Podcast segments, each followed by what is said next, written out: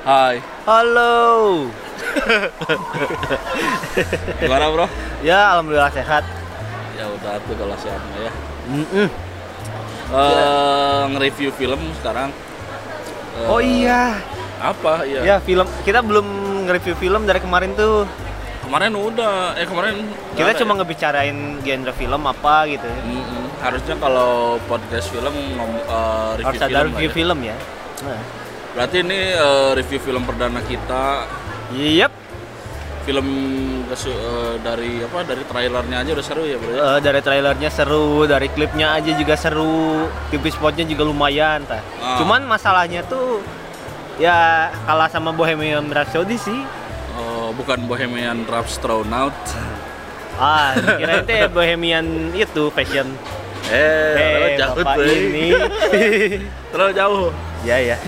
Eh, Oke, eh, f- eh, apa judul film yang akan kita angkat apa itu bro? Eh, Overlord. Oke. tapi ini- tapi sebelumnya saya mau ngasih tahu ini bukan film Overlord yang anime.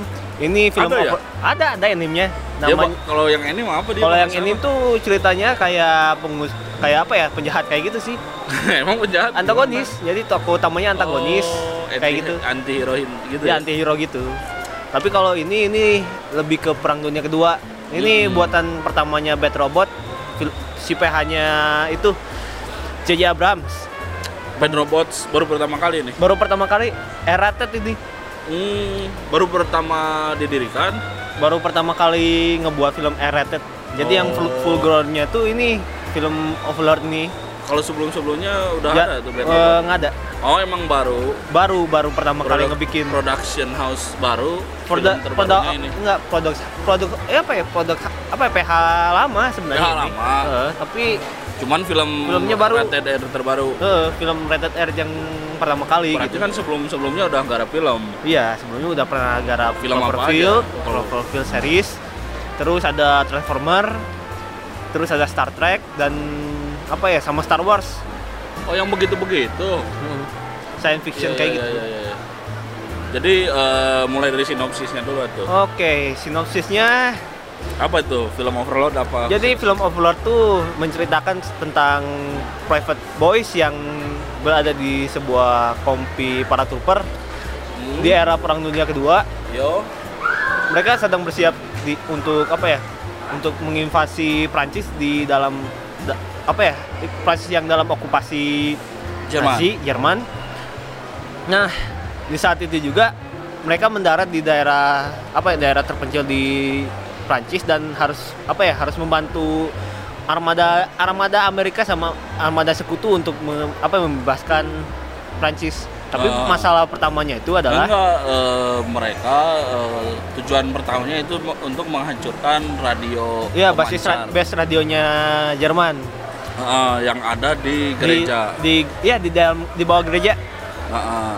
ternyata setelah nyampe di situ ternyata ada ada kayak sebuah percobaan labora- per- ya labor- laboratorium kayak gitu di bawah eksperimen gereja. eh, Jadi di bawah sehingga gereja. eh, ada misteri tersendiri di dalam gereja itu eh, dan beberapa pasukan akhirnya punya eh, jadi memiliki misi baru. ya misi baru jadi ada misi kedua sebenarnya Eh, dan tentang kemanusiaan aja berarti ya. ya tapi ada unsur horornya juga sih Oh gitu. Nah, jadi apa ya kalau kalian pernah main Wolfenstein atau pernah main Call of Duty Black Ops Zombies kalian pasti bakalan seneng sama Black film Ops sama Zombies. iya Black Ops Zombie Oh, ada zombie ada ada jadi kalau Black Ops Zombie itu jadi kayak setting ceritanya tuh tentang empat orang ini tokoh perang dunia tapi yang fiksi Ah. mereka tuh harus saling harus ini harus benar-benar survive dari zombie itu Oh. yang dibuat Nazi yang dibuat sama salah Ya, satu karakter itu mirip-mirip ya. sih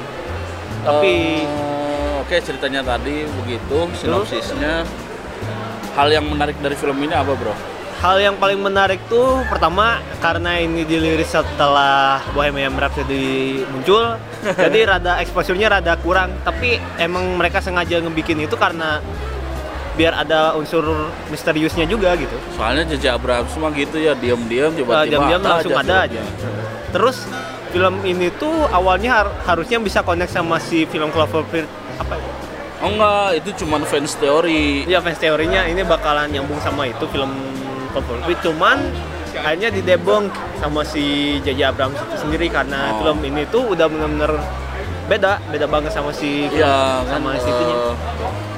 Orang-orang itu kan mikirnya fans teorinya bahwa eh, Cloverfield itu mula-mulanya ada di perang dunia ini. Iya, tapi Ada monsternya, Iya, monsternya munculnya dan lain-lain kan. enggak. cuman apa ya apakah karena si aktor-aktornya karena mirip gitu ngambil dari film Cloverfield yang di Netflix Hmm. akhirnya mereka nya nggak ngaitinnya itu juga sama dengan yang itu Tapi ternyata tidak ya salah. Eh, ini film enggak. film terpisah. film benar-benar ini standalone tapi Oh, jadi- bakalan ada sequelnya ya Mungkin. mungkin soalnya udah pasti ada sequel atau enggak itu gimana JJ ya karena eh, kalau nonton film ini lepas juga nggak apa-apa ya nggak usah nonton ada film Cloverfield dulu Heeh. satu dua tiga dan lain-lain. soalnya ya film ini benar-benar completely different sih Mhm. Eh, ada tokoh tokoh-tokoh yang menarik di film ini apa aja nih? ada salah satu tokoh yang menarik tuh Boys Boys ini Boys. ya Boys kalau seca kalau secara sejarahnya tuh si Boys apa ya si Boys itu adalah salah satu tentara kulit hitam ya dan Ah. harusnya tuh kalau untuk para trooper atau tentara parachute tuh gimana ya rada an anakronis anakronistik sih jadi tidak sesuai dengan waktunya gitu Hah? walaupun udah ada yang apa ya para trooper yang kulit hitam kayak gitu tapi belum tentu masuk ke perang dunia pertama eh perang dunia kedua Oh, untuk tentara parasut. Tapi kalau tentara Amerika tuh udah pasti masuk dulu pas perang dunia kedua ada. Oh gitu. Jadi sedikit ada, ada tambahan aja ya, Nah. yang nggak nggak apa? Yang tidak kalian duga gitu. Nggak nyata juga ya Nggak nyangka di reka-reka gitu. Terus eh, ini adegan yang paling bagus itu yang apa si boysnya turun dari pesawat itu. oh iya itu yang landing ya? Mm, yang landing lumayan menarik soalnya banyak yang bilang ini bisa diakurin sama Saving Private Ryan film yang apa ya seriesnya Band of Brothers atau mungkin game-game apa ya misalnya kayak Medal of Honor gitu Medal of Honor, Heeh. mana?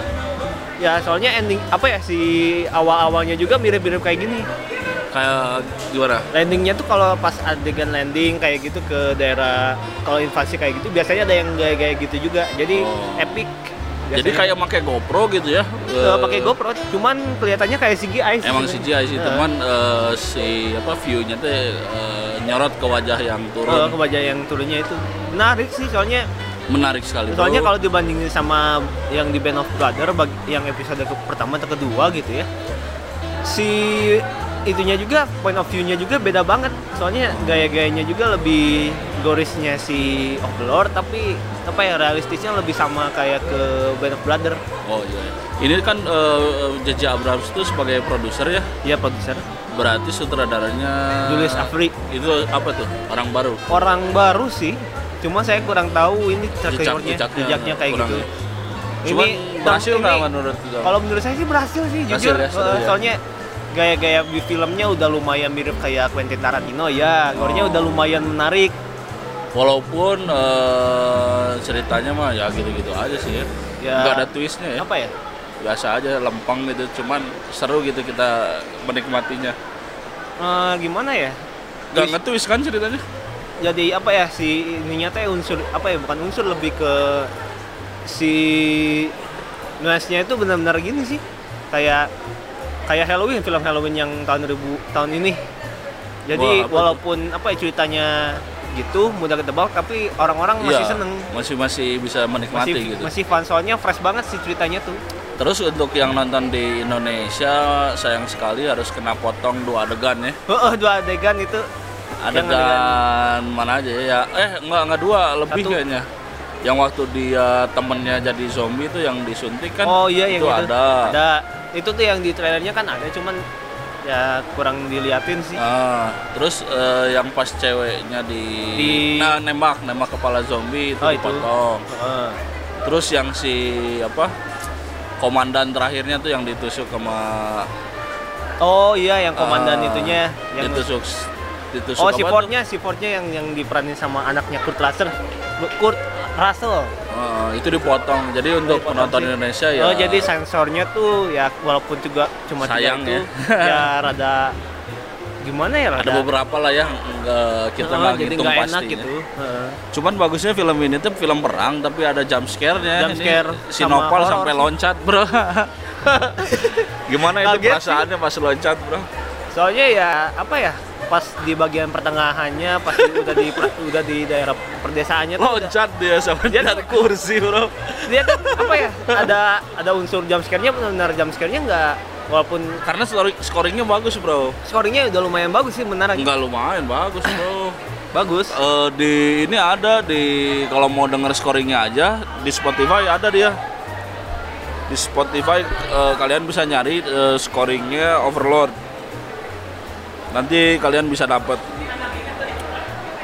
karena eh, pas saya apa ikuti jalurnya si pembuat scoring ini juga dia juga yang ngebuat scoringnya Alien Covenant, oh iya yang itu ya? Siapa sih? Kalau boleh tahu siapa ya? Kita cari ya.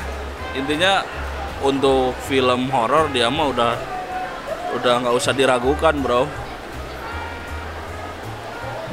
Si ini si Jet Kurzel oh saya baru tahu dia. Iya keren dia nih Jet Kurzel. Dia bikin Overlord kemarin Assassin's Creed juga terus film Macbeth Macbeth, Macbeth, Alien. Covenant. Eh, nggak tahu itu aja. Ya pokoknya kalau mau tahu nanti di apa? Tinggal kalian cari di Tinggal itu ya Spotify. di Jet Spotify, Kurzel.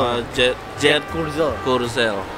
kalau Julius Ever Nah, itu- itu- itu saya mau scoringnya coba keren. cari ininya dulu ya Makanya si Nopal sampai ngajeleng itu sampai loncat dari kursi, Bro. Itu pemandangan yang ah, oh yang menarik. bentar. ya dia jadi direktur di tahun ini Hmm. Jadi film-film sebelumnya itu Son of a Gun. oh Son of Gun terus The Tank tapi film pendek sih kebanyakan film pendek Oh. jadi Son Tapi dia itu berarti salah satu satu apa? Menjadi film berta- panjang pertama dia, Overlord. film apa ya film Hollywood pertama dia sih Langsung bagus ya. iya langsung bagus jadi Cuman orang lumayan banyak yang nggak tahu aja. Heeh, lumayan nggak tahu sih Padahal karyanya menarik juga. Terus ada tokoh perempuan ini juga yang me, me- apa namanya me- Chloe ya? mencuri perhatian. Cool. menarik sih soalnya Heeh. Ak- aktris muda Prancis kan kalau nggak salah? Heeh. atau Kanada saya juga kurang tahu sih Intinya dia bisa ngomong Perancis sama ngomong Inggris. Terus eh, ngena ya. kan lumayan sih Bagus. jadi siapa ya si itunya teh Kirain tuh nanti bakal si boys ini jadi eh, ber- apa ada hubungan gitu dengan dia. Heeh, cuman kayaknya cuma hubungan pertemanan sih udah cukup Mm-mm. sih Nanti pas di endingnya uh, udah aja dia kirain ada apa gitu punya rumah sendiri gitu. ya Enggak juga enggak ternyata. sih jadi kayak apa ya anti klimaks sih cuman menarik sih si ceritanya juga Eh, terus yang bisa gal- digali di sini lagi eh, di ininya bagian laboratoriumnya itu ternyata memang Nazi itu dulu benar-benar bukan, mistis gitu. Bagaimana? Oh, oh ya, yang kayak gitu teh ada. Jadi Nazi itu pernah ini ya, punya ada divisi punya ada divisi apa ya, divisi supernatural kayak gitu. Hah? Ya memang kan karena mungkin Hitlernya ingin ber, Iya. apa berkuasa seribu tahun katanya di film itu ya. Iya. Jadi buat percobaan untuk bikin super troops. Nah, jadi di apa ya di di S, apa ya bukan di SS di daerah Nazi pun apa ya bukan daerah Nazi di okultisme Nazi itu benar-benar kuat juga gitu karena apa ya pengaruh Himmler. Himmler tuh karena Ini mah beneran ya, bukan beneran film jadi ya. dia tuh emang punya obsesi sama itunya sih sama okultisme gitu Oh, jadi percaya, percaya dengan sama apa ya? dengan apa ya dengan dewa-dewa Arya kayak gitu ya gitu, mistis gitu. kekoiban, kekuatan, kekuatan dari alam. Ya, makanya makanya eh, keluar film-film kayak Hellboy kayak gitu. gitu. Eh, kayak gitu. Hellboy kayak gitu jadi unsur-unsur mistisme kayak gitu juga lumayan mempengaruhi komik sama game sih Iya. tapi untuk film juga gimana ya untuk pertama kalinya yang paling sukses cuma ini doang sih Sukses. sukses Oh. soalnya untuk unsur di film yang rata-rata ada meng- mengkaitkan dengan Nazi dengan okultisme ini yang paling kuat ini yang paling menarik dan paling fun gitu. Menarik lah ya. Eh, jadi kalau orang mah sebenarnya untuk me- apa me- menikmati film itu sebenarnya jangan ngelihat trailernya bro. Iya jadi ngelihat apa ya intinya udah tahu film itu Terus, muncul kapan uh, uh, muncul nonton kapan, aja. nonton, kadang gitu. trailernya mengganggu jadi Uh. terlalu membuka membuka interpretasi sih. Uh, uh, nanti sama apa ya kalau nggak salah itu kalau trailer tuh ya tuh lebih banyaknya tuh tidak apa ya mengubah kebanyakan dari yang trailernya. Itu itu belum final semua bagian Iya scene kadang-kadang uh, ditunjukin di trailer pas ke adegan nggak ada. Ada. Kadang-kadang suka lebih apa ya lebih dibagusin sih makanya eh, saya pas lihat si raja terakhirnya itu mukanya kayak zombie kaget juga, wih oh, ternyata begini. Soalnya gua nggak nonton trailernya banyak juga, jadi Heeh. tidak Ya. mengganggu ekspektasi bro. sama Overlord tuh kalau sejujurnya mah dia tuh nggak terlalu banyak ini iklan-iklan kayak gitu kayak film-film Marvel atau film-film mana pun ya cuman Mereka berhasil sih untuk nge- ngegayat si penontonnya tuh untuk apa ya untuk percaya gitu untuk film film ini pasti bahkan bagus gitu. Ah, soalnya pertama ini film pertamanya Julius Avery yang Hollywood. Ah, kedua ini film apa ya film lepasannya dari Bad Robot film eratednya robot yang pertama Bad Robot yang pertama. Ya. dan ini pun bisa dijadikan sequel harusnya. Oh. Ya mungkin ya, soalnya ada pembicaraan, pembicaraan si boys si terakhir. sama sama si teman-temannya juga kan berkata kalau Tibet, dia Tibet, ya jadi kayak kayak mau ini mau nyelesain keinginan terakhirnya si Tiblet sih Tibet itu siapa sih? karakter ini karakter yang tewas yang jadi zombie itu yang ini Oh, fotografer fotografi. Iya. Oh iya iya iya iya. Ya seru. Oh iya iya. iya. ya jadi kalau menurut saya sih kalau ternyata emang cerit kalau sequelnya ternyata harus lanjutin cerita yang itu atau pindah cerita yang lain Hmm. menurut saya sih harus sih harusnya sih harus disesuaikan dengan si ekspektasi film pertama Oh. Kalau Jadi, dijadiin eh, sequel. film ini adalah film yang lengkap, drama ada, drama ada Horor ada, ada, thriller komedinya ada. komedi ada sama si science fiction juga ada kayak gitu Nah, karena di situ tuh ada sosok yang emang diplot untuk jadi komedi itu yang Iya. eh, sniper ulung itu yang Iya, itu. main sniper itu dia komedi banget. Dapat dapat sih jadi apa ya kalau kalau menurut saya sih ini film udah diibaratkan kayak film apa ya kayak kayak game apa ya Overlord sih game eh Iya, bukan kan, game Overlord bukan, Overlord. bukan, bukan game Overlord Wolfenstein Wolfenstein, Wo- ya. Wolfenstein jadi kalau kalian belum pernah nonton eh belum pernah main Wolfenstein silakan. silakan main yang apa ya yang perta- yang game pertamanya dulu yang Nanti 3D rasa-rasanya yang sama 3D ya. atau enggak yang Return to the Castle Wolfenstein itu game 3D buatan Activision sama game apa ya saran saya main game Wolfenstein yang Old Blood Old Blood Oh. Old Blood tuh itu Rasa-rasanya sama. secret secret sequelnya untuk si Return to, to the Castle Wolfenstein sih Oh. Oke, eh, ada yang mau dibahas lagi di film itu? terakhir saya mau bahas tentang apa ya tentang Aftertaste-nya. aftertaste-nya nih. Jadi kalau menurut saya sih si film ini tuh sebenarnya rada apa ya, rada kurang di apa ya eksplorasi si karakternya sih.